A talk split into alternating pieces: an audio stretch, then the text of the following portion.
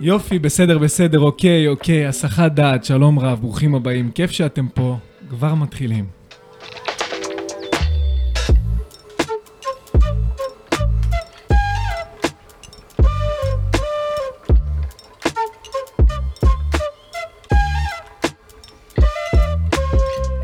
אהלן, הגעתם לפודקאסט הסחת דעת, המקום בו ניישב את כל הסחות הדעת ונכווין את כל מי שמרגיש מבולבל למצוא את הייעוד שלו בחיים.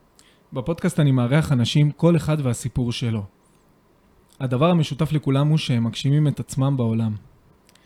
אני נדב טרגן, בעצמי הייתי תקופה ארוכה מבולבל מאוד ואבוד, עד שמצאתי את הייעוד שלי בעולם. להפיץ ידע ותוכן שפותח את הלב דרך קולנוע. והיום אה, נמצאת איתנו אורחת מיוחדת מאוד מאוד מאוד. אני מאוד מאוד מתרגש שאת נמצאת פה, ואני גם בהודיה על הרגע הזה. אני חושב שחיכיתי וציפיתי לו יותר ממה שאפילו לא ידעתי שאני מצפה ומחכה לו, ובמיוחד אחרי שדיברנו על זה, אז uh, היו לי שבועיים, דיברנו בערך לפני שבועיים, נראה לי שגם נגיד, קודם כל אני אגיד לך, היי. היי, שלום. גאולה מיכל כהן, מה שלומך? בסדר, אני גם מתרגשת. תראי, אני קודם כל כזה אגיד שאיך שהכרנו, היום זו דרך רגילה להכיר אנשים, אבל זה מיוחד, כי לא הכרנו ברחוב או במסגרת משותפת שהיינו ביחד. פשוט הכרנו דרך האינסטגרם, ואת נחשפת כנראה לתוכן שאני מעלה, והרגיש לך נכון לכתוב לי שאת מרגישה שיש בינו, בינינו חיבור עמוק. Uh, היום נתקלתי במושג מעניין, נשמות, קשר נשמתי. אז uh, יכול להיות שזה בכיוונים האלה. לגמרי. אני חושבת שיש uh, משהו ב... uh, באינסטגרם שלך שהרגיש לי נורא זהה. הצורה שאתה מעלה תכנים, הצורה שאתה אה, מעצב אותם, הדרך שאתה מתבטא בה, הרגשתי שהיא ממש דומה לשלי. Mm-hmm. אה, ראיתי כאילו דמיון בכל מיני דברים, אבל כן הרגשתי איזשהו קשר אנרגטי, שאמרתי לך, כאילו גם היה לי איזה חלום עליך שכזה, כן. באת לי בחלום, שזה נורא מעניין, אני כן מרגישה שיש כאן איזשהו קשר ש... אה, לנו מושג, אבל הוא קיים. עכשיו, שבינו, אנחנו לא מכירים, אנחנו מכירים רק דרך uh, התכנים שבחרנו לעלות לאינסטגרם, וחלמת עליי, שזה מטורף. וגם החלום עצמו, אני חושב שבתקופה שסיפרת לי אותו, היה גם, הוא התקשר לי לחיים בצורה כזאת או אחרת. את uh, דיברת על זה ש... Uh, אני, אני יכול לשתף את זה? כן, כן, בסדר. התת מודע שלי בפניכם. הכל פתוח. כן.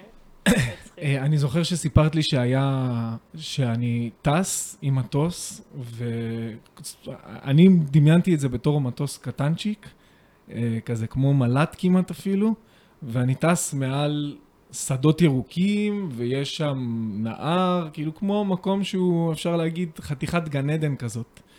ולמטה יושבים כל מיני חברים, ואת אמרת שאת יושבת עם חלק מהחברים שם, אה, ואחותי נמצאת שם. ואת מדברת עם אחותי שיחה של sisters כזה, של אחיות. כן. איזה קטע מטורף זה. כן, אז הרגשת שזה מתקשר אליך? אני הרגשתי שזה מתקשר בגלל שבאותם ימים הייתי בהפקה. אה, עשינו הפקה, צילמנו סרט קצר, אה, בהפקה עצמאית, ואני הייתי הנהג. זאת אומרת, אני, אני זה שנוסע על ואן כזה גדול, גבוה, אה, זה תופס לרישיון הרגיל. אבל זה הרגיש לך שזה... שזה כאילו החוויה כזאת. תקשיבי, דפקתי חניות מטורפות שם לנגד כל ההפקה, אנשים מסתכלים עליי, בואנה, מי זה הנהג המטורף הזה? כאילו, עם טון הציוד מאחורה. עשיתי דברים מטורפים שם, אז הרגשתי שזה, כן, זה נוגע לי לסיטואציה שהייתה בזמן הזה. כן, טוב, אה, אחד הדברים הכי כאילו חזקים שיצאתי מהם בחלום, זה שאמרתי לך שראיתי שאתה עושה דאווינים. עושה דאווינים, בדיוק. אתה עושה דאווינים. עשיתי שם מלא דאווינים, כן. בטיסה, כאילו, זה מצחיק. קטע. אבל משוויץ יוצא מיץ, אז אני חושב שצריך גם לשמור על איזושהי ענווה. ו... כן, להבין שאנחנו גם אנשים uh, בסופו של דבר. טוב, אני רוצה ככה להתחיל uh, לגעת בנושא שלנו היום. ובתור שאלה ראשונה, אני רוצה לדעת להתחיל בלדעת טיפה עלייך. טיפה אפילו להתחיל, אם אפשר, מההתחלה. איפה גדלת? עם מי גדלת? מה עשית בילדות? אה, גדלתי בצפת. אנחנו משפחה חרדית, ההורים שלי חבדניקים. אנחנו 12 ילדים, אני עשירית, ככה ש... אה, ככה שכאילו אה, גדלתי מהקטנים, אז היו הרבה בבית כשאני הגעתי. אה, זה אומר מוסדות חב"ד, בית חנה, מכופתרת, mm. חצאית כפלים, כל מה שזה מביא איתו. וצפת, שזאת עיר מלאה ברוח, יש לה אנרגיה מאוד מאוד חזקה של רוח, של עתיקה כזאת, של קבלה, של צדיקים, של... מה היה בצפת ככה בשביל לדעת קצת, אה, סליחה על הבורות, אבל מה, מה היה שם מיוחד מבחינה היסטורית, אה, דתית? אה, האריזל היה mm. שם, אני, אני לא בטוחה להגיד לך, אבל יש שם המון קברי צדיקים כאלה, עתיקים של, של מאות שנים. ואולי יותר, כאילו אני לא יודעת להגיד בדיוק, אבל... אבל היא עדיין עיר מאוד של רוח, היא מאוד לא מפותחת והכל מאוד uh, כפרי כזה והרבה עיר מאוד דתית וכן, אה, אולי צריך להיות שם כדי uh, לגמרי להבין את האנרגיה, אבל, אבל גם מבחינת האנשים שחיים שם ומתעסקים וזה, אתה רואה שפחות דגש על, על uh, נראות, על חומר, על uh, עבודה, על ממש מרגישים את זה באוויר, שיש קצת אוי, מעניין. ואת גדלת בבית אה, עם, עם כמה אחים? יש לי 11 אחים, אנחנו שש בנים, שש בנות. וואו. וכשאני הייתי כבר בת ארבע, חמש, אחי הגדול היה בצבא, אז היה כזה, תמיד היה תחלופה של אה, אחים, זה לא היה כולם אה, ביחד. כן. ואיך זה לגדול בבית כזה? וואו.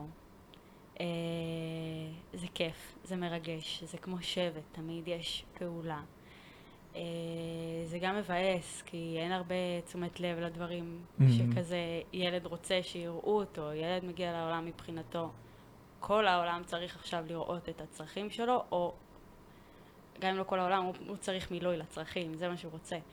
אה, ובמציאות כזאת קשה למלא את כל הצרכים של כולם, גם המצב הסוציו-אקונומי לא היה כזה מזהיר בשביל אה, למלא את הצרכים, אבל אה, אתה יודע, לא ידעתי שיש עוד אפשרויות, אז מבחינתי זה היה הכי טוב. הייתי ילדה מאוד מאוד אופטימית, מאוד שמחה, מאוד צוחקת, אה, תמיד, אז כן, כאילו התלונות שלי על הילדות הגיעו בשלב מאוחר כזה של הנערות יותר, אבל בתור התקופה של הגדילה שם הייתה מאוד טובה. הרבה טבע. וואו. גם. ובאמת איך, מעניין אותי לדעת איך מביאים פרנסה הביתה בבתים האלה, במקומות האלה. אה, אבא שלי סופר סתם, mm.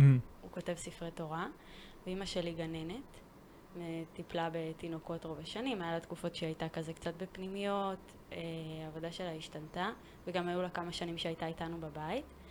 Uh, בנוסף אבא שלי מצייר גם, שגם מזה הוא היה תקופה עושה כסף. Uh, אבל uh, בעיקר מאמינים נראה לי, כאילו הם פשוט היו חזק בקטע של האמונה ושל אלוהים, וכשאתה מאמין דברים קורים, אז כן. אז ככה, אני יודע שיש לך המון... טראומות מהילדות ורגעים קשים שחווית שם. אז uh, אני אבקש ככה, זאת הזמנה לגעת, להתחיל לגעת uh, לאט לאט במקומות האלה. Uh, מתי זה התחיל? מה קרה שם פחות או יותר?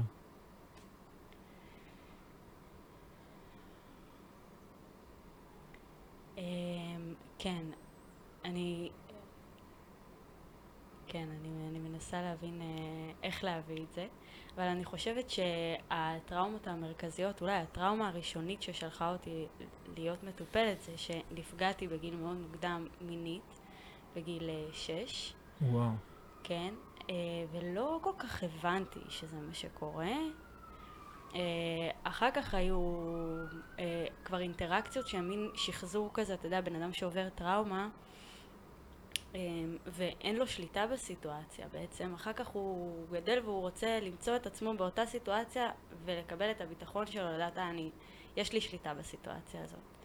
אז אני חושבת שאחר כך במשך השנים שחזרתי את, ה, את הפגיעה שלי, אמנם במינונים אחרים ולכאורה מבחירה, אה, כדי למצוא את השליטה שלי על החיים, את, ה, את ההגנה שלי על הגוף שלי, על המרחב שלי. אה, כן, אז, אז... ובאותם רגעים היה לך למי לפנות ולמי לשתף בגיל כל כך צעיר ומוקדם? לא הבנתי, אתה יודע, לא, לא ידעתי מה זה מיניות, לא ידעתי מה קורה, זה משחק, זה כאילו, הוא הזמין אותי, הוא אמר בואי, אה, אה, אמרתי טוב, הייתי סקרנית, לא ידעתי בכלל מה הולך לקרות. אה, הוא הציע, הציע לי לעשות דברים, אמרתי לא, זה לא, זה מגעיל אותי, לא הבנתי מה קורה, לא היה לי אפילו, אני חושבת שיש איזה שנים כזה ש... יש גילוי של מיניות, אני חושבת, בגיל שלוש, ואז יש אה, כמה שנים שהליבידו כאילו הוא, הוא סוג של נעלם, mm. עד שהוא חוזר. אני חושבת שהייתי בטווח הזה, של בכלל לא חשבתי, זה לא עניין אותי, לא הייתי בשלב של איזושהי סקרנות אה, מינית בגוף שלי, וזה היה הפתעה. אני זוכר בגילאים האלה שאת אה, אומרת, יש את הגילוי של המיניות בגיל שלוש, אה, אז אני זוכר שאני בתור ילד הייתי אה, נכנס לאמבטיה עם חבר, עם החבר הכי טוב שלי. היינו עושים אמבטיה ביחד ו- ומשחקים אחד לשני באיברים האינטימיים, כן. ופעם אחת אימא שלי תפסה אותנו. היא נכנסה לאמבטיה, אני חושב שזה היה בגיל טיפה יותר מבוגר משלוש, כי את יודעת, לעשות אמבטיה לבד לא נותנים לילד בן שלוש. אבל uh, עשינו, זה היה בסביבות כנראה שש, שבע, ועשינו אמבטיה ביחד, ואימא שלי נכנסת, מתפרצת לבפנים, והיא רואה אותנו. תארי לך את התמונה הזאת של שני ילדים משחקים אחד לשני, ובודקים, ומשווים, ונוגעים. ואז היא אומרת לנו, היא, היא בהתחלה הייתה כזה מאוד נסערת, וצאו מפה, והוציאה אותנו החוצה, ו... ואז היא פנתה אליי אחר כך כשהוא הלך, ביחידנות, ו- והיא אמרה לי, נדב, אתה לא הומו, נכון? כן? כן, ככה היא. ידעת מה זה הומו בגיל הזה? היא שאלה אותי כזה, את יודעת, בדרכים עקיפות. אתה לא נמשך לבנים, היה שם דיבור שהוא יותר אה, ילדותי, אני לא זוכר בדיוק את הניסוח, אבל זה היה משהו באזורים האלה. זה קטע, כי בשנים האחרונות אני לומדת הרבה על מיניות, אה, במיוחד על מיניות של נשים, כי אני, כי אני בת. אבל, אה, אבל יצא לי הרבה לשמוע על זה שכמה הורים נבהלים, בכללי הדורות לפנינו וגם העולם הזה, גם כוכבית, כאילו בעבודה עם הצ'קרות יש, בצ'קרת המין אנחנו מבינים שזאת בין הצ'קרות היותר חסומות, כאילו. Mm, בעולם אה, המערבי? בעולם המערבי. יש ארצות כזה, דרום אמריקה, יש להם כן. קצת יותר אה, כזה מיניות ומדוברת ופתוחה, אבל אז יש כמה אה, אזורים כאלה שיותר, אבל ברוב העולם זה לא מדובר, ו, ואם זה מדובר אז זה על דרך השלילה, mm-hmm. והורים שמגדלים ילדים לא מבינים שבעצם זה הדבר הכי טבעי שיש, כאילו, ברור שהוא יבדוק, כאילו, ברור שהוא יזהה, אפילו לא, אולי הוא לא יודע בכלל שיש גם פוט. נכון. למרות שאני בתור ילד הייתי מציץ כל הזמן לשכנה. היא יודעת את זה, היא יודעת את זה, אבל בתור ילד כאילו... אנחנו נבדוק את זה טוב, גם יש לי אחות, אז uh, uh, כן נחשפתי לזה, אבל זה נכון, זה באמת טאבו. וזה נושא שאני חושב שלאט לאט היום עם כל הרשתות החברתיות והפודקאסטים ושאנשים מדברים בכל מקום על מיליון דברים, uh, הנושא הזה צף ועולה וחוזר. יש גם סטנדאפיסטים שנוגעים בזה המון, אה, וצוחקים על זה, וככה הם משחררים המון דברים חסומים שהיו שם. המון בושה והמון אשמה שיש שם. כן. כן. אז אה, בעצם אם אנחנו מתקדמים קצת אה, לגילאים יותר מאוחרים, מתי את מבינה שזה מה שהיה לך? מתי את מתחילה לעכל את זה? האם חזרו עוד פעמים, עוד דברים? אמ, אני אענה על זה כאילו בשניים. מקודם את השאלה הראשונה, אני חושבת שלא נתתי לזה יותר מדי חשיבות, חוץ מהאשמה שלקחתי על עצמי. אני זוכרת שישבתי עם חברה, באמת, הייתי, לא יודעת, אולי בכיתה ג' או משהו כזה, וסיפרתי לה את החוויה הזאת, ואמרתי לה אה, שאני צריכה לעשות כפרה, שעשיתי... אה, מה שקרה. כן, שעשיתי משהו אסור. אה, כאילו לקחתי על זה אשמה, אז זה היה בקטע דתי, כי זו הצורה שידעתי לקחת אשמה, זה אני מול אלוהים. אבל אה, לא ייחסתי לזה יותר מדי חשיבות. בהמשך הייתי ילדה שהיה לי מאוד קשה להתרכז, אה, לשבת ללמוד, ובכיתה ז' המורה שלי אמרה כזה, מה איתך? את נעלמת, איפה את? ואני Mm. כל היום מסתובבת ביער, הולכת, לוקחת תיק, הולכת למעיין, כאילו אין אותי. אה, אבל בפנים גם הייתי מאוד, אה, היה בי המון המון שנאה עצמית, כאילו, לכן גם אני חושבת שהיה לי מאוד קשה להביא את עצמי לעולם. היה לי המון ביקורת עצמית ובחוץ אה, ילדה מאוד שמחה. Mm. ו... ואז אה, היא אמרה לי, דיברה איתי, כמה היא הייתה מאוד חמודה אליי, וסיפרתי לה על זה כבדרך אגב. מי זאת? החברה? המורה, המורה. כן, היא הייתה מחנכת שלי, אה, שאני ח- חבה לה תודה ענקית, אה, והיא שלחה אותי לטיפול.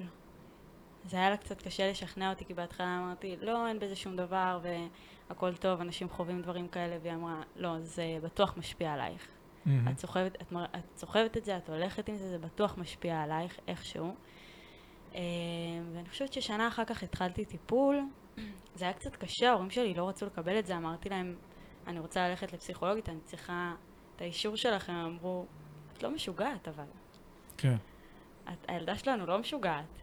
הם, הם סימנו אותך בתור משוגעת בשביל להרתיע אותך מהטיפול אולי. הם, הם, הם, הם הורידו אותי מהטיפול כדי שהם לא יחשבו שמשהו לא בסדר, או משהו כזה, כאילו, מהמם. אתה מבין? כן. אמ, אבל בחברה כזאת שהיא... שגדלת בצפת, את אומרת, אז איפה הולכים לטיפול? זה, זה משהו שמקובל? זה משהו ש... אה, בתוך החברה עצמה, החרדית? אה, הייתה אה, מטפלת של הבית ספר, כן. היא הייתה אמנם מקושרת איכשהו, אבל אה, כן, מי שמודע לטיפול הולך לטיפול. המ- המורה הזאת אז היא אמרה לי שהיא לוקחת את הילדים שלה לטיפול, ויש מטפלים בכל מקום. אז את הגעת לפסיכולוגית? הגעתי לפסיכולוגית, כן. אני ממש זוכרת שזה היה מאוד מאוד קשה, המפגש הזה. אה, דתייה היא הייתה? היא הייתה דתייה. אוקיי. כן. אמ, כן, ומשם הייתי איתה בערך שנה, ואחר כך אה, החלטתי שאני מחליפה מטפלת, והלכתי למטפלת אחרת, וכל זה, כאילו אני עובדת בבייביסיטר ומשלמת על הטיפול, ועושה את הכל כדי אה, להגיע, ובאמת מתוך רצון שיהיה איזושהי מנוחה, כאילו, ה- ה... זה כל כך השפיע עליי, בדיעבד אני יודעת שזה כל כך השפיע עליי שלא הייתה לי מנוחה, כל הזמן הייתי באיזשהו צורך, באיזשהו מרדף, שיראו אותי, שיקבלו אותי, שיאהבו אותי, ש... אה, להרגיש בטוחה, להרגיש מוגנת, וזה גרם לי להגיע לכל מיני קצוות עם עצמי כדי למצוא את ההרגשה הזאת בתוכי. ובעצם מה שהטיפול עושה, הוא מחזיר את הכוח לידיים שלי, כאילו, הוא מחזיר מהמם. את הכוח לידיים של המטופל ולהגיד, יש לך פה בחירה. נכון, עד עכשיו אתה עושה א', ב', ג', פה אתה יכול לעשות א', ב', ו'. וזה מגניב. ישנה את הכל. אה, כן, אז אה, זהו, ובשנים האחרונות אני חושבת שהגעתי כבר לטיפולים שונים מאשר פסיכולוגיה מתוך ה... אבל רגע, אני שלי. רוצה להישאר עוד טיפה כן. בתקופה הזאת, כי אה, את אומרת שהבנת שיש לך בחירה, אבל אני בטוח, אני משוכנע במאה אחוז שהיה לך תהליך מאוד סיזיפי וארוך וקשה, שלגעת בפצעים, להבין, לעכל. מה, אני, תקחי אותי רגע לשם, זה נראה לי... אה, אני זוכרת שבין הטיפולים הראשונים ממש, היא אמרה לי, את צריכה לכעוס עליו. מהמם. אמרתי לה, לא, מה פתאום, כאילו, אם אני הייתי הוא, הייתי הבן אדם הזה, בגיל הזה, במקום הזה, הייתי עושה אותו דבר. הרי לא סתם הבן אדם הזה, בגיל הזה, בסיטואציה הזאת של החיים שלו, עשה את הדבר הזה, כי לשם החיים הובילו אותו. אז אם אני הייתי שם, הייתי עושה אותו דבר, למה שאני אכעס עליו? באמת חשבת ככה בתור ילדה? באמת. מטורף. כן, וכאילו, ואני באיזשהו מקום אמרתי שזה נשמע לי הכי הגיוני, גם גדלתי על זה ש, של צדיקים ושל סליחה ושל אה, אהבת חינם ושל כל הערכים היהודים, החסידיים שגדלתי עליהם, הובילו אותי לחשוב שאין לי זכות לכעוס ורק תודה. ובנוסף לאופטימיות, שזה, אני חושבת שזה אחד החוזקות של הנשמה שלי, Mm-hmm. לראות את הטוב, זה פשוט יצר כזה שלא יכולתי לבטא כעס. והיום את גם חושבת ככה? אוקיי, אז ניגע בזה תכף, אה, כי זה מעניין, אני חושב שאנחנו בני האדם קרועים כל הזמן בין שני עולמות. בין עולם אחד של לתת לדברים להתקיים כפי שהם, בלי להתערב, ובין העולם השני של להתערב ולהשפיע על הדברים. אנחנו כל הזמן שם נכון. באמצע וצריכים לבחור. אז uh, זה מעניין שהמחשבה שלך בגיל הזה הייתה דווקא על הדברים קרו כמו שהם ולקבל אותם. ואז מאז דווקא עשית המון צעדים בתוך הטיפול הזה בשביל לשנות את, ה, את העתיד שלך, בשביל לרפא את עצמך. כי את עשית דברים, את אומנם לא, זאת אומרת, את עשית דברים ב, בדיעבד, מה שקרה קרה, את בחרת להסתכל על זה בצורה מסוימת, ואז התחלת לעשות דברים בשביל לרפא את זה, נכון. בשביל להשפיע על המציאות של עצמך. אה, כשהייתי בכיתה ט', הייתה לי מורה באמת מדהימה.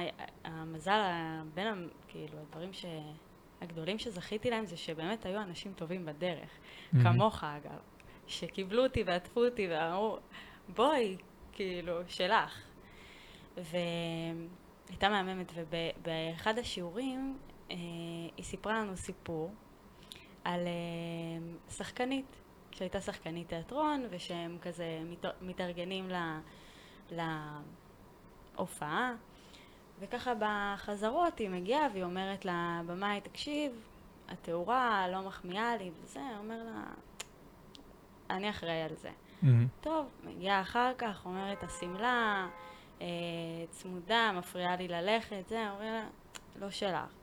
ככה כל פעם היא מגיעה אליו, אומרת לו משהו, כאילו על הטקסט, על זה, על זה. אומר לה, לא שלך. היא אומרת לו, מה, אתה, אני שחקנית ראשית, כאילו בל- בלעדיי אין את הדבר הזה, זה לא קורה.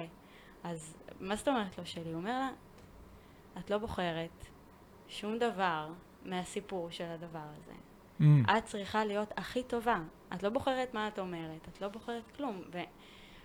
והיא אמרה לנו, אתם, כאילו, היא סיפרה לנו את זה, ואני, מאז אני ממש מרגישה שזה הלך איתי שנים, ועדיין, של אני לא בוחרת. אני לא בוחרת אם לקבל את הדוח באוטובוס. אני לא בוחרת איזה קול יהיה לי, אני לא בוחרת איזה פנים יהיו לי, אני לא בוחרת איפה להיוולד, אני לא בוחרת את הדברים האלה. אני פה, ואני רוצה לעשות את המקסימום שלי, וזה מה שמוטל עליי. לא לשנות שום דבר במציאות. כמובן שיש לנו את היכולת, אבל קודם כל, לעשות את המקסימום שלי, שאני יכולה לעשות, וזה ממש משהו שהלך איתי מאז. מדהים, אני חושב שזה, זה, זה, מה שאת מתארת פה זה ממש אוהב לקבל את זה וזה נשמע לי, ומצד שני אני אומר, רגע, אבל מה, זאת אומרת, יש דברים בדרך שאת כן בוחרת. כל, כל החיים מורכבים מבחירות קטנות שאנחנו עושים כל הזמן. אז אולי באמת ברובד הכללי יותר, אז את באמת לא בוחרת איפה להיוולד ואיך להיראות, אבל את, את הבחירות שלך הם את צריכים יכולה להיות- לשנות את איך שאת נראית, את יכולה לשנות מיקום, את יכולה לעבור עיר. לגמרי. אני חושבת שבתקופה הזאת אה, ראיתי את זה ממש ככה, כמו שתיארתי את זה. אה, גם כי לא ידעתי שיש כל כך הרבה אפשרויות בפניי. לא ידעתי שאני יכולה לעבור עיר. זה לא היה אופציה מבחינתי. נכון. הייתי ילדה. הייתי ילדה, נכון? וזה ממש הקל עליי לעשות, לבחור בטוב בתוכי. ואני חושבת שכן, גם, גם בתוך המציאות הזאת יש הרבה דברים שהם בבחירה שלנו, אבל יש גם הרבה דברים שלא. מהמם. ואולי גם הדברים שהם בבחירה שלנו, הבחירה שלנו איך להתנהל מולם, מה לעשות מולם, אבל הרבה פעמים התוצאה לא בשליטתנו בכלל. נכון, כן. אז מה, מה קרה בעצם אחרי שהתחלת לגעת בטראומה ו- ולטפל בעצמך? איך המשכת קדימה משם?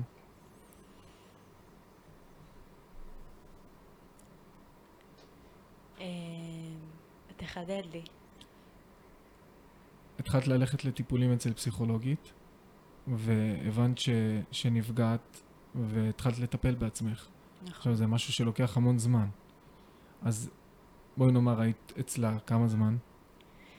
אה, כן, זה לוקח המון זמן. הייתי שנתיים אצל מטפלת אחת, אחר כך שנתיים אצל מישהי אחרת, והפסקות, ואחר כך, שוב, אני חושבת וכל הזמן הזה היית בסביבה של הבן אדם שפגע בך? שבשנים הראשונות אה, כן, אחר כך כבר לא. אוקיי. אה, כן, עזבתי את, ה, את המרחב של ה, של ה, שגדלתי בו די מוקדם.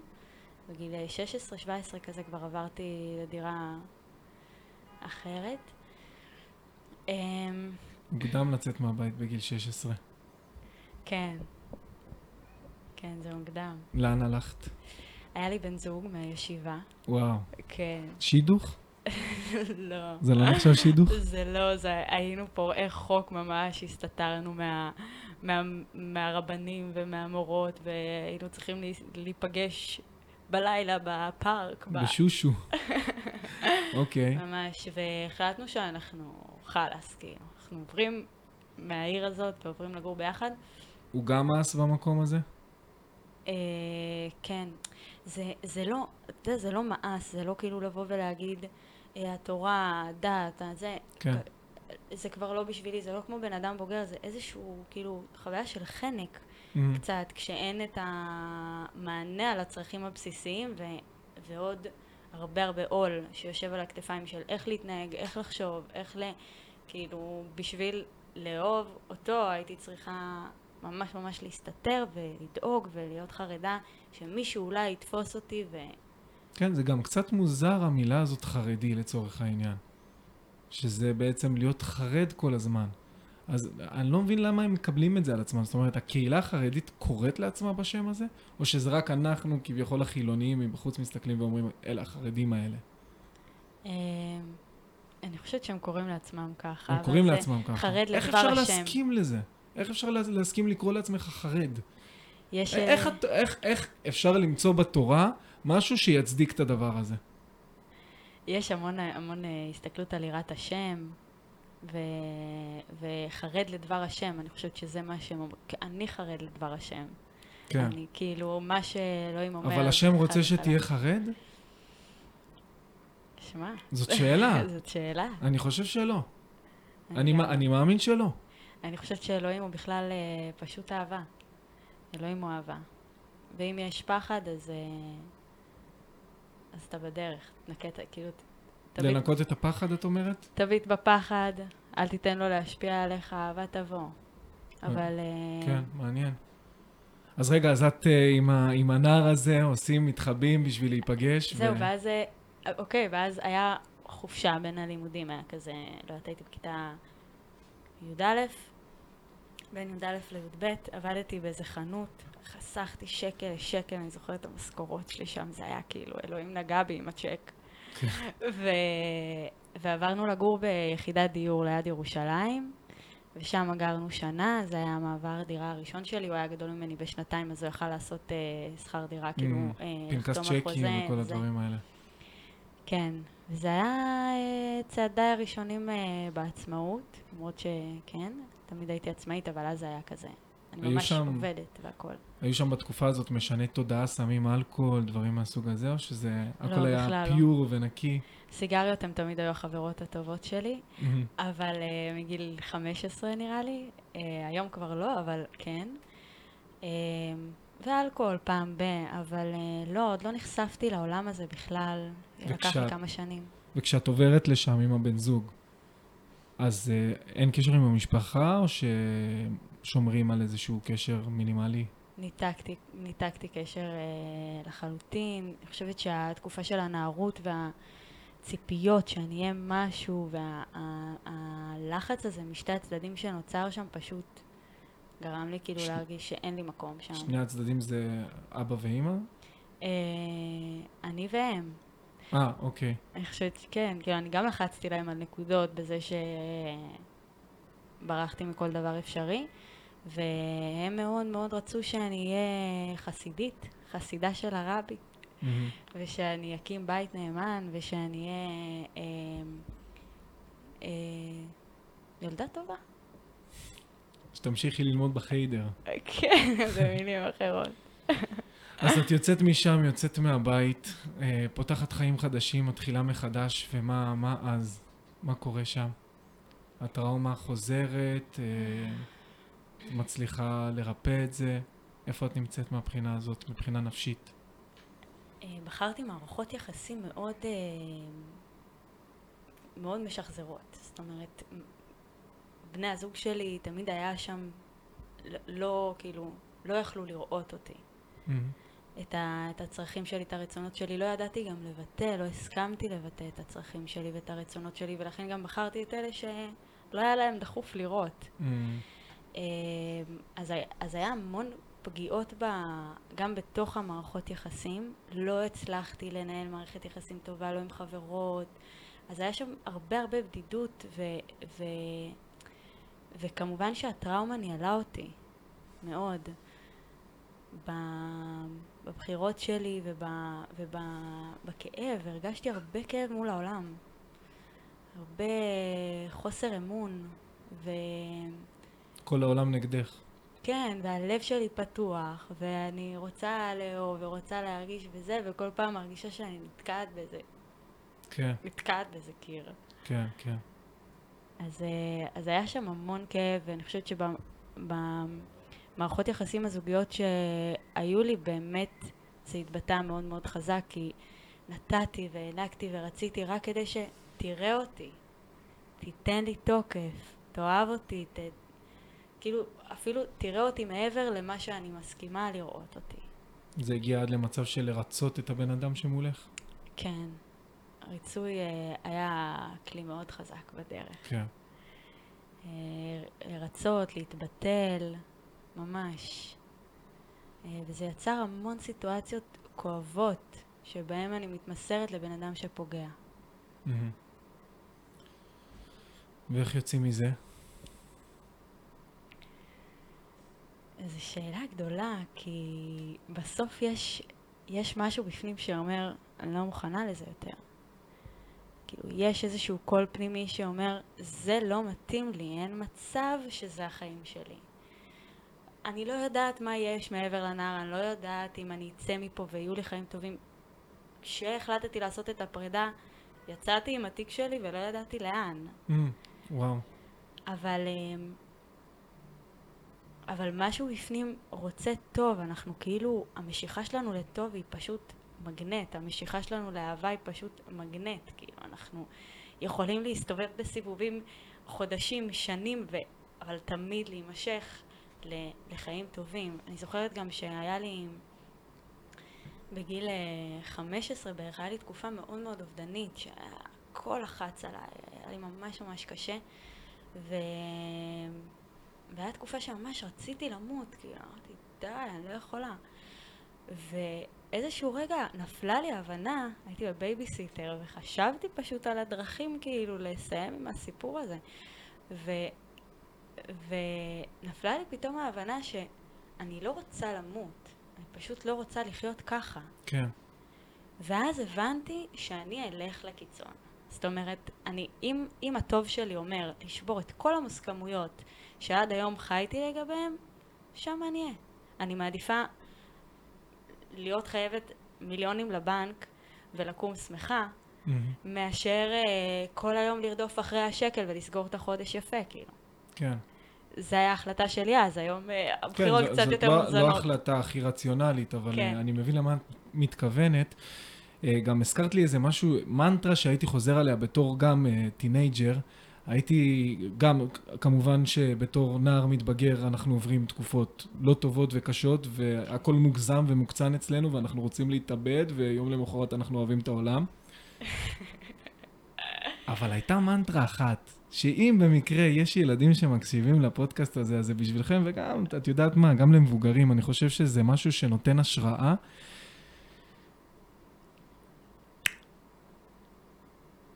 החיים יכולים להיות כל דבר שתבחר, והדבר, זה נשמע קצת קיצוני, אבל הדבר הכי גרוע שיכול לקרות בחיים שלך, זה שפשוט תעלה לעזריאלי ותקפוץ מהגג.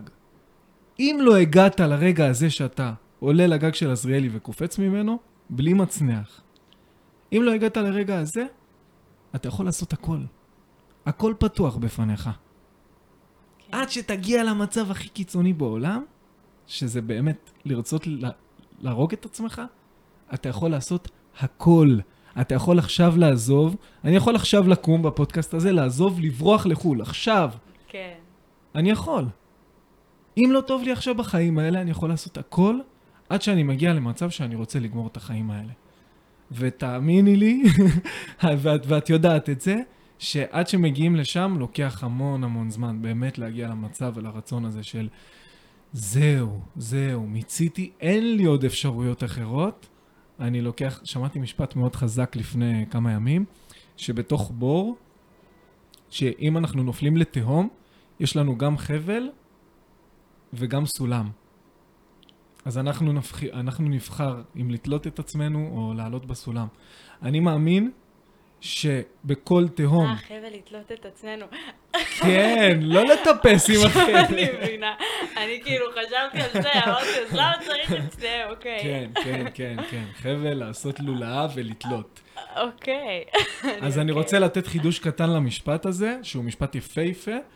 אם יורשה לי, בכל תהום יש סולם וסולם, רק סולם, ואם נופלים יותר עמוק, אז בסוף בסוף אולי, אולי נמצא חבל, אבל uh, אני לא רוצה לחשוב על זה ככה. לא רוצה, לא בא לי. חמוד כל כך אופטימי. זה מחזיר אותי, אה, מה שאמרת שהיית אומר לעצמך בתור teenager, זה מחזיר אותי ל... לשיחה של, אה, של אהבה ופחד. אהמ. כי אני חושבת שמה ש... מה ש... כאילו, הרי מה כל כך קשה לנערים? מה כל כך היה קשה לי כנערה? זה הלופ המחשבתי שלא הצלחתי לצאת ממנו. פשוט הלכתי בסיבובים בתוכי. ממ. ו... וה... והדבר הזה של אני יכולה להגיע לקיצון, העיקר שיהיה לי טוב, אני אעשה הכל. ההבנה הזאת שאני יכולה לעשות הכל בשביל הטוב שלי, היא פתח מילוט. ובפתח מילוט הזה נכנס אור. עצם, ה, עצם ההבנה הזאת של, של יש משהו מעבר לפחד, יש משהו מעבר ללפחד. למה אני לא זזה כל הזמן מהמקום שלי ואומרת, רע לי, רע לי, קשה לי, מתקרבנת? כי אני מפחדת לעשות ככה ולקחת את מה שאני רוצה. כן. זה גם מפחיד להרגיש, אני חושב. זה מפחיד לתת לעצמך ביטוי, גם, בואי בוא נדבר רגע על הפלוסים, אוקיי? בואי נאמר שיצאנו מהפחד והגענו למקום שוויוני, לנקודת האפס. מכאן זה גם בעיניי מרגיש, זה מאוד מפחיד לגעת ברגש. כשאת מתחילה, כשאת יוצאת אל העולם, כשאת מנסה, את פותחת פודקאסט חדש, את פותחת עסק, את מנסה להצליח בדרך שלך, את מנסה להגשים את הייעוד שלך בעולם, אין דבר כזה שלא תתלכלכי במרכאות או שלא במרכאות ברגש. אתה לא תתל... יודע מה תפגוש שם. לא יודעים, ואנחנו צריכים להיות מוכנים להרגיש. אבל אני חושבת שהפחד שה... הוא... כאילו, אחרי שהפחד נעלם, אז כל רגש הוא סבבה, אתה יודע? ככה אני מרגישה, כאילו, כש, כשאני ניגשת לרגש, אני יודעת שאני יכולה, יכולה לפחד מהתהום הזאת, ו, ו, ואני יכולה להרגיש אותה. ברגע שאני מפחדת, אני לא מרגישה אותה, אני יוצרת איזשהו חצץ ביני לבינה, לבין, ה, לבין הרגש, לבין ה, העצב, האובדן, הכישלון, ה... לא יודעת. השיעור שאת צריכה לעבור. כן, אני שמה שם איזשהו, אני מפחדת לגעת בו, וברגע שאני אומרת, אה, זה רק פחד, אני לא מתנהלת מתוכו. אני מבינה שיש לי עוד דרכים להתנהל, אז אני פוגשת את הרגש הזה ואני, ואני עם, עם חמלה, עם קבלה. כן, זה... זה איך, איך? זה, תלמדי אותי, איך, איך? איך זה, מתגברים על הפחד? אני מדברת על זה כאילו זה פשוט, אבל פחד אלוהים. נכון, פחד אלוהים, לגמרי. מפחיד ברמות. אבל איך? איך מתגברים על הפחד? קודם כל מבינים שהוא רק פחד. Uh, קראתי לפני כמה זמן בספר מדהים, uh, אני אגיד אותו כי אני חושבת שזה ספר באמת מדהים, קוראים לספר כשהדברים מתפרקים. Uh, שאיזה מישהי תלמידה שהמורה שלה אמר לה שהיום היא הולכת להילחם מול הפחד והיא הולכת להילחם מול הפחד והיא אומרת לו לפחד איך מנצחים אותך אז הוא אומר לה כל עוד לא תעשי מה שאני אומר אין לי שום כוח עלייך וואו. אני חושבת שזה ממש ככה. תרשום, זה עולה להיילייטס. כן, כל עוד, כל עוד אנחנו מסתכלים על הפחד ואנחנו אומרים, אה, אני מפחדת שהוא ינטוש אותי. אבל אני לא עכשיו ייעלם כדי שהוא ינטוש אותי. אני לא עכשיו זה, למה? כי אני מאמינה באהבה. כי אני רוצה אהבה. אז אוקיי, אני רואה את הפחד הזה. יפה שאתה בא, תודה, אתה שומר עליי, אתה לא מחליט. אני מתנהלת מאהבה, אני מתנהלת מהרצון הטוב. ואיך מתנהלים מאהבה?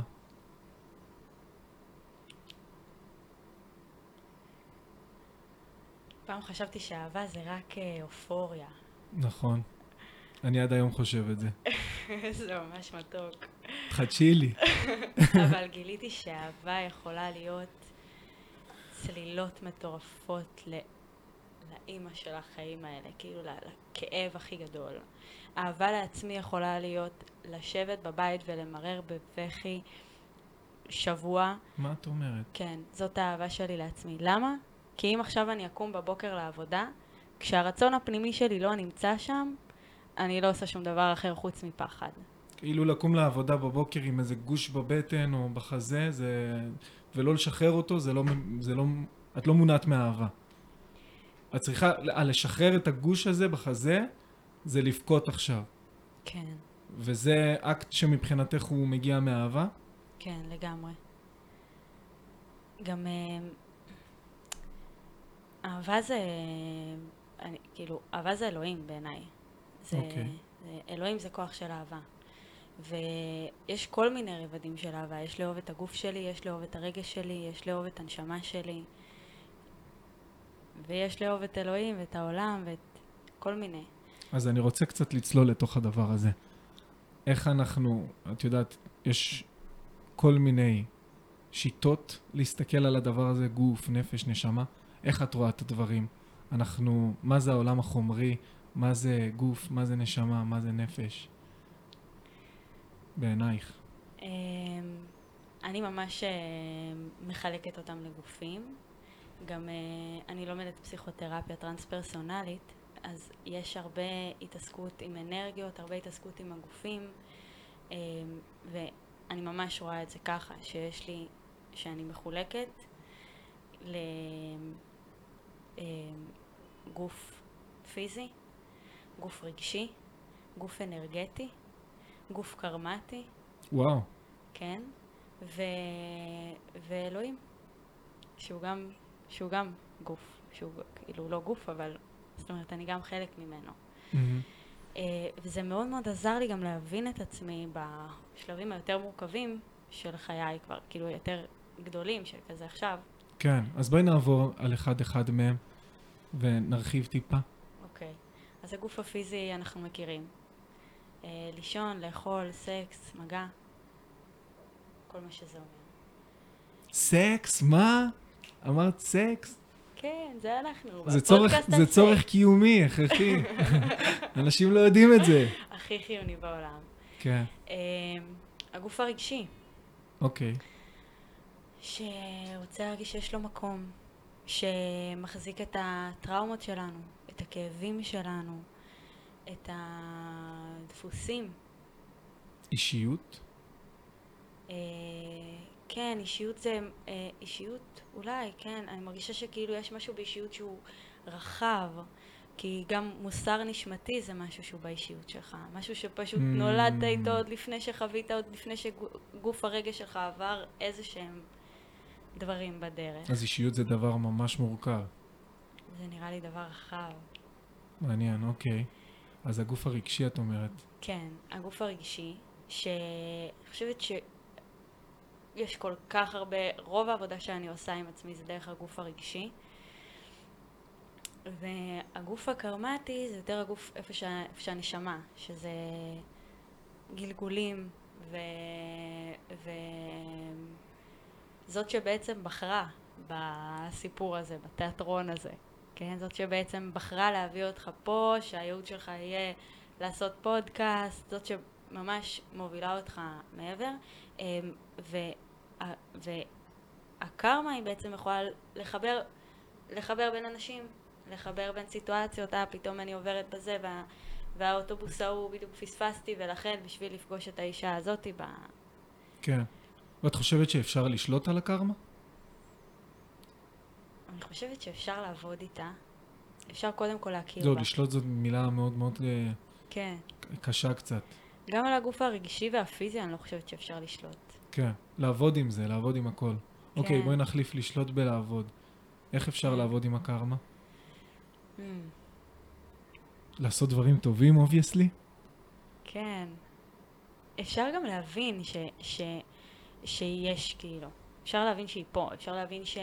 למשל השבוע עליתי לאוטובוס וניקבתי את האוטובוס, ועכשיו אני מנקבת באפליקציה, אז כאילו, אני צריכה ללחוץ על אישור, ולא זה לחצתי על נחמד אישור. שאת אומרת ניקבתי כשאת עושה עם אפליקציה. נכון, כי כבר ברב-קו זה לא ניקובים. נכון. סבבה, אוקיי, ניקבת באפליקציה. כן, ולא לחצתי על אישור, והשעה הייתה וואו. חמש וחצי בבוקר.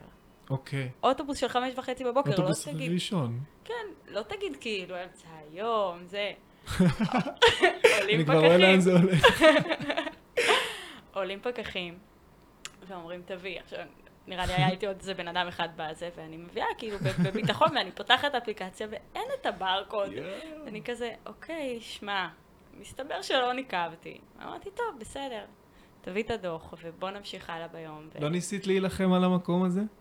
לא, כי זה היה כזה ברור, ברור מאליו שזה לא פה. הברקוד לא פה, אני לא רואה אותו באפליקציה. כן, אבל כאילו. אוקיי, שנייה, עכשיו אני אעשה, עכשיו אני אשלם, עכשיו שכחתי. הם לא, יש עליהם מצלמות, מצלמה כאילו בומבסטית, ו...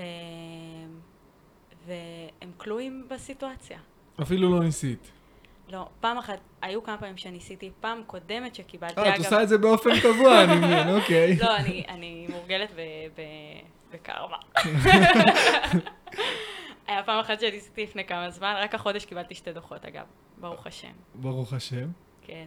אז אה, הפעם הקודמת באמת ניקבתי, ומסתבר שכאילו הכמות של המרחק, זה לא, כאילו יש מרחק אה, חצי אוטובוס, אם אני נוסעת מראשון לרחובות זה מחיר מסוים, ואם אני נוסעת מראשון לאבא שלו, אז זה מחיר אחר. מראשון לאבא שלו. כן, אוקיי, לאבא של ראשון. לאבא של ראשון. סבבה, אוקיי. זה מחיר כאילו יותר, גובה ממני יותר. וניקבתי על הקטן, ואפילו לא ידעתי שיש את האפשרויות, שהקילומטרים משנים. אמ, והוא הגיע, ואני אומרת לו, תקשיב, לא היה לי מושג, כאילו, אני שמה את הזה, אני לוחצת אישור, וסלמת. כן. ובאמת ניסיתי, והוא אמר, זה מצולם, וזה, תגישי ערעור. ואמרתי לו, שמע, שיהיה לך יום טוב, כאילו, הכל כן. בסדר, באמת. מה, זה דוחות את ה- אה, רציניים? לא, 100 שקל. אה, אוקיי, סבבה, כן, לפחות זה. בסדר. כן. אמ, זהו, ו- ו- ומה שהיה בפעם האחרונה זה שבאמת, תראה, לא שלא ניקבתי, כן? זה לא שעליתי ואני אומרת, טוב, הנה, את אה, עושה משהו לא בסדר, עכשיו אה, זה. לא, אבל אני לא יודעת מתישהו בחיים האלה גנבתי חמצוץ למשה, וה- וה- וה- וזהו, כאילו. והיום אני מחזירה את זה, ואני אומרת, תודה רבה. כן. תודה רבה שהגיעו לקחת לי, למרות שלא היו צריכים כרגע לקחת אבל לי. את מסכימה איתי שאם לוקחים את זה בדרך הכי קיצונית של זה, זה קצת לנער אחריות מעל עצמך? מעל עצמך? טיפה כזה, מבינה לאן אני חותר? אם אני לא אקח אחריות על החיים שלי, אז אני אגיד, טוב, אז כל קו שאני אעלה עכשיו... אה, אבל זה לא ככה, זה באמת משהו שקרה בטעות. אז זה כן. בעצם סיטואציה שנופלת עלינו בלי שכיוונו אליה. כן. אמ, אחריות זה... זה עניין. זה עניין. זה עניין גדול. זה עניין. יש אחריות, ולמדתי את זה פה בפודקאסט, ויש uh, accountability, מה זה אומר? שזה משהו שהוא יותר עמוק מאחריות. זה בעצם להבין שיש לך יד בדבר, גם כשזה לא נוגע אלייך באופן ישיר. לצורך העניין, הסכסוך ישראלי-פלסטיני. יש לך אחריות מסוימת, אפילו ניקח יותר רחוק, אה, כל מה שקורה ברוסיה ואוקראינה לצורך העניין. עכשיו, אני בכוונה הולך לדוגמאות גדולות, אבל זה accountability. בואי נגיד בדוגמאות שהן יותר uh, קונקרטיות ויומיומיות, אז uh, נגיד uh, המצב, mm, בואי נגיד המפגש של חברה הכי טובה שלך עם סיטואציה לא נעימה בחיים. נגיד uh, משהו שקרה לחברה הכי טובה שלך, והוא לא קשור אליי. שהוא לא קשור אלייך, אבל יש לך סוג של אחריות מסוימת לגביו. אז זה, זה סתם כזה אנקדוטה ש... מה, אני כאילו לא מצליחה לרדת לסוף דעתך כל כך. יש אחריות, שאני חושב שזה יותר בקטע של אחריות אישית, זה גם, אה, אני לא כזה בקיא בזה. ואיפה הפער ביניהם? הפער הוא בזה שאחריות זה כל מה שקורה בעולמך אה, באחריותך. אפילו דברים כמו מה שקרה לך באוטובוס, עם הקרמה, זה עדיין אחריות שלך. הקרמה ואחריות זה לא... זה שני צדדים של אותו מטבע. זה לא דברים סותרים אחד את השני בעיניי. קרמה ואחריות זה דברים שהם לא סותרים אחד את השני. זאת אומרת, זה שיש לך קרמה מסוימת, לא אומר שאת צריכה להסיר מעצמך את האחריות שזה קרה לך. כן. צריכה לקחת על זה אחריות. זה חלק מה... לחבק את הרגש הקרמה... איך קראת לזה? גוף קרמטי, נכון? אז זה חלק מלחבק את זה, אני חושב. אם טיפה אה, נכנסים וצוללים פה לעומק. וה accountability זה משהו שהוא אה, יותר רחב מזה, כמו שאמרתי מקודם. יש לך יד בדבר, גם כשהוא לא נוגע אלייך באופן ישיר. וכשאנחנו מתחילים להסתכל על הדברים ככה, אנחנו מבינים ש... זה גם טיפה קיצוני לצד השני, כאילו, הצד הראשון אמרתי שאנחנו מתנערים מכל אחריות, והצד השני זה כזה, אני מזיז את המחשב מפה לשולחן, וקרו, וכאילו, עף פרפר פה, ונפל כן. בניין בטוקיו. יש... אה, בעיניי כאילו, ב... ההפך של אחריות זה אשמה, מבחינת רגש.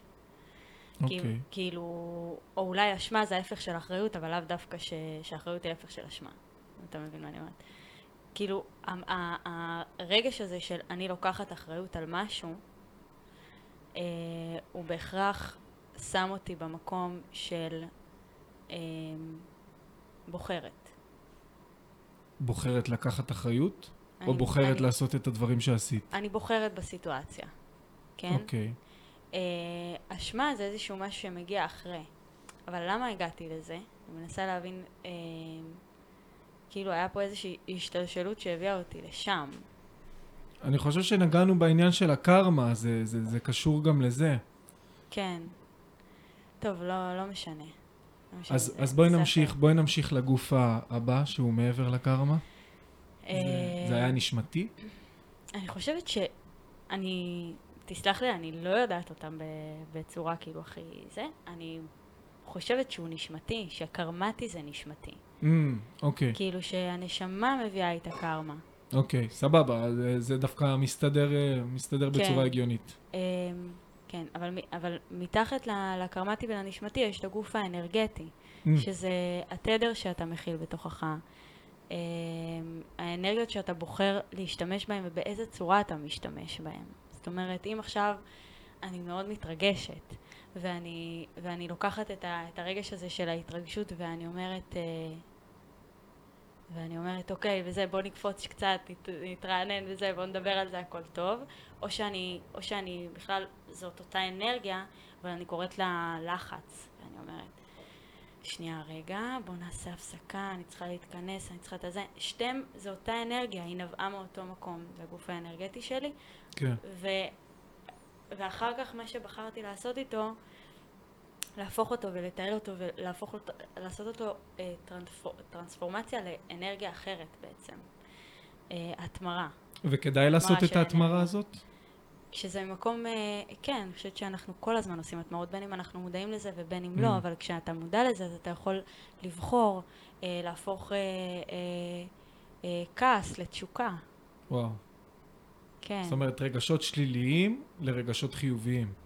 כן. אני, אני משתמשת הרבה במ- במונחים של רגש, אבל בתכלס, אנרגיה היא לאו דווקא משהו שאנחנו יכולים לשים אותו במילה. יכולה להיות, להיראות כצבע ולחוש כמרקם ו, ו, ולעלות כרגש, והיא יכולה גם פשוט להסתובב בעילה שלך, או... מה זה האנרגיה הזאת? מה זה? האמת שזה גם מוכח מדעית שזה קיים, אז כאילו אנחנו מכוסים מהבחינה הזאת. כן, אני לא ממציאה שום דבר, גם כן. הכל למדתי, כאילו. כן, כן. אנשים אמרו לי הכל. ויש אה, את אלוהים בסוף, הקדוש ברוך הוא. כן. אה, שאלוהים זה אחדות, אני חושבת. זה ה... כן, זה, זה הכל, זה הכוח המחיה, זה האהבה, זה, זה הטוב, טוב שמסובב. אה, קשה כאילו, קשה לי לה, להגדיר את אלוהים, כי אני חושבת שמתוך כל הריפוי והעבודה שעשיתי, המשפט שתמיד הולך איתי, אני חושבת שגם אמרתי לך את זה בשיחה הראשונה שלנו, זה מבשרי אחזה אלוקה. כן, תסבירי את המשפט הזה, זה... בבקשה. אה, מבשרי, אחזה אלוקה. אלוקה זה כאילו אלוהים. אוקיי. אחזה זה לראות, זה להרגיש, זה לחוש, זה חיזיון, זה משהו מוחשי. Mm, אה, אני חושבת שיש אלוהים בכל. יש נכון, אלוהים כן, כן. בך, במחשב, באנרגיה, באור, באיש. היקר, באביב. יש אלוהים בכל, יש אלוהים בפרח, יש אלוהים בתפוז, יש אלוהים בשמיים, יש. כן, אבל יש אלוהים בי, כי אני חלק מכל הדבר הזה. גם לי יש תנועה, כמו, ש... כמו שעץ צומח, אני יש לי את התנועה משלי, את הדרך שלי ואת התנועה שלי, וככה אלוהים מתבטא בתוכי. והדבר הכי קרוב לעצמי, זה עצמי. וה... וה... וה... הדבר הכי קרוב לאלוהים זה עצמך. שיש לי זה עצמי, כן, לגמרי. כן, כאילו, אני, אני הדבר הכי קרוב שיש לי לאלוהים. כן. ולכן אני כל כך כל כך מעריכה באמת את, ה, את, ה, את העבודה הפנימית, את הלהסתכל פנימה קודם כל, כי, כי שם הכל נמצא. שם נמצא אין סוף. שם נמצא כל דבר שבדמיוני שאני רוצה להשיג, הוא קודם כל נמצא בתוכי. חזק, אבל אה, אני רוצה פה לעלות על איזה מוקש. כן. זה נכון, אני מסכים עם מה שאת אומרת. אני חושב שגם בתוכנו יש הרבה הרבה דברים שהם לא אנחנו. דברים שמבלבלים אותנו. הסחות דעת. לגמרי. אז מה, איך מעלימים את זה? איך שומעים את הקול הפנימי? איפה מוצאים אותו? אני יכול לחשוב שאני... התקלתי אותך. לא, אני, אני אוהבת את השאלה הזאת, זה שולח אותי להרבה מקומות, האמת. כן. אמ, כן. תכלס יש לזה, בעיניי, אני כן רוצה לשמוע מה את חושבת על זה, אבל יש לזה תשובה ענקית שזה יכול להתחיל גם מפרקטיקות פיזיות שצריך לעשות ביום-יום, בשביל לנקות, בשביל להתחבר לעצמך. אבל חשוב לי, אני רוצה ומעוניין לדעת מה את עשית בשביל לנקות את הטראומה שלך. כי הטראומה שלך הובילה להמון הסחות דעת בתוכך. נכון. אני חושבת ש... קודם כל שלחת אותי למשהו שאחת המטפלות שלי אמרה פעם. הייתי אצלה באיזה טיפול וחזרתי והיה לי פשוט הצפה מטורפת. אה, זה היה טיפול בתת מודע, זה היה מאוד מאוד עמוק, כאילו, ו... ונגעתי באיזה טראומה שפתחה לי עולם והרגשתי שאני פשוט קורעת תחתיה, כאילו, שאני כל כולי כאב, הגוף שלי זרמים של כאב, כאילו. יו. והתקשרתי אליה ואמרתי לה, ו... והיא אמרה לי, אני רוצה שתדעי שיש את גוף הכאב שלך, אבל הוא לא את. יש איזשהו גוף בתוכך ששמר את הטראומה הזאתי כדי לשמור עלייך, וגם כי הוא זוכר. כי הוא פשוט זוכר. כן. זה עדיין כואב לו. הכאב הזה לא עבר, אף אחד לא שינה את הכאב הזה למשהו אחר, אף אחד לא התמיר את האנרגיה הזאת לאנרגיה אחרת, אז זה פשוט עדיין חי שם.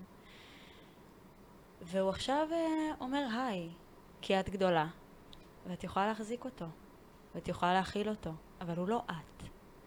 אחרי שאני מסתכלת לכאב הזה ואני אומרת, אהוב שלי, איך שמרת עליי עד עכשיו? איזה תכונות מטורפות יצרתי בתוכי כדי להרגיש אהובה, כדי להרגיש שיש לי מקום, כדי להרגיש שאני יכולה לבטא את עצמי, למרות שהמציאות אמרה לי לא. מי בא להפריע לנו? אהלן. מי זאת שובל? אני עם שובל. תכף שובלי. סבבה. מה השעה? וואו. אה, אנחנו בחמש כבר. כן. אוקיי. היית צריך לעשות לנו ככה כזה. אני עושה לך כזה עם וואי, לא הידיים, שמתי לב פעם שתיים. ראשונה שלא שמתי לב בכלל לשעה. וואו, אני אנחנו מנסה לסמן ממש... לך פה, חמש, ארבע, שלוש. אנחנו לא איתך בכלל. לא לעשות עשית. לי ככה, לא הבנתי מה זה, כאילו, ארבע, לא- אני מספר ארבע, אני אוהב את מספר ארבע, כאילו, אני עושה לו ככה, טוב, זה דבר טוב. טוב, זאת השריטה שלי, עזבו. אני גם מספר ארבע אגב. אה, כן? יש. לא, אתה מספר ארבע כאילו במה? לא יודע, זה המספר המזל שלי. מעניין, נדבר על זה. כן, נדבר על זה. רגע, אז מה? רגע, אל ת... תמשיך. שנייה, אנחנו... שנייה, נעשה את זה, נ... נ... נסכם, נסכם. אוקיי, אוקיי. fuck. רגע, איפה היינו? אין לי מושג. אתה זוכר? אני עדיין בדלת. אתה בדלת, אוקיי. נגענו בטראומות, אני זוכר, ואמרת שזה... הגענו בגוף הכאב. בגוף וב- הכאב. בזה שיש אה, פער ביני לבינו, ו- והמשפט האחרון שאני אגיד ואני... אה, אני חושבת שברגע שאני מסתכלת עליו באמת, ומחבקת אותו, ומבינה שהוא חלק מהילדה הפנימית שלי, ש... ו- ונותנת לו את הצורך שלו, מה הוא צריך? מה הכאב הזה צריך? הגנה? מה הוא צריך ממני? נותנת לו את ה... ממלאה לו את הצורך הזה, זהו, הושלם בי איזשהו חלק בפאזל הזה, ומה שנוצר זה, זה, זה, אני כל הזמן מרגישה שכאילו יש צינור של אור שנכנס אליי, צינור של אנרגיה שנכנס אליי, ויש כל מיני סתימות בדרך. Mm, וכל פעם אני מטפסת במקום הזה, ופוגשת עוד איזה סתימה, עוד איזה כאב, עוד איזה מערבולת, ואני מסתכלת עליה, היא מתמוססת, וברגע שהיא מתמוססת ושעברנו עליה, יש עוד מקום לאור. ואיך את עושה את זה? איך את מסתכלת על זה? דרך ההסתכלות פנימה? אני טוב. כותבת, כותבת, אני אוקיי. מדברת למראה, Mm. אני רוקדת את זה דרך הגוף, יש כל כך הרבה דברים שנתקעים לנו בגוף. וואו. אמ, בכל הדרכים האפשריות, אני חושבת שהכלי הראשוני שלי היה כתיבה. פשוט לשים את המילים שלי, אף אחד לא רואה שם, להיות מודעת לזה. לתת לזה מקום, בכל דרך שהיא. וואו, איזה כיף, איזה כיף. טוב, אז אנחנו צריכים לסיים. אני הייתי יכול לשבת לדבר איתך עוד, עוד שעתיים, עוד שעתיים. כן. אה, אני רוצה לומר לך, גאולה מיכל כהן, תודה רבה שהסכמת לשלוח את הסיפור שלך על פני המים, ולתת לו להתרבב עם שאר האוקיינוס. או, זה מרגש אותי מאוד, וזה כבוד אדיר שבחרת בי להיות הגשר שלך. וואו. הגשר עבורך. תודה רבה, נדב, באמת. אני מרגישה שאתה גשר אה, מתוק, נוח, נעים, ותודה על המילים, באמת, תודה על המרחב הזה. הנשמה שלי שמחה. וואו, איזה כן. כיף. גם שלי. אז זהו להיום, חברים וחברות שלנו. אם אהבתם את השיחה שלי עם גאולה מיכל כהן, אנא מכם, תפרגנו לנו ותשתפו עם מישהו שאתם חושבים שזה יכול לדבר אליו. חוץ מזה, אני מאחל לכם למצוא את הצינור שלכם עם האור, ולשחרר את הסתימות שלכם שיש לכם בדרך. נשתמע בפרק הבא.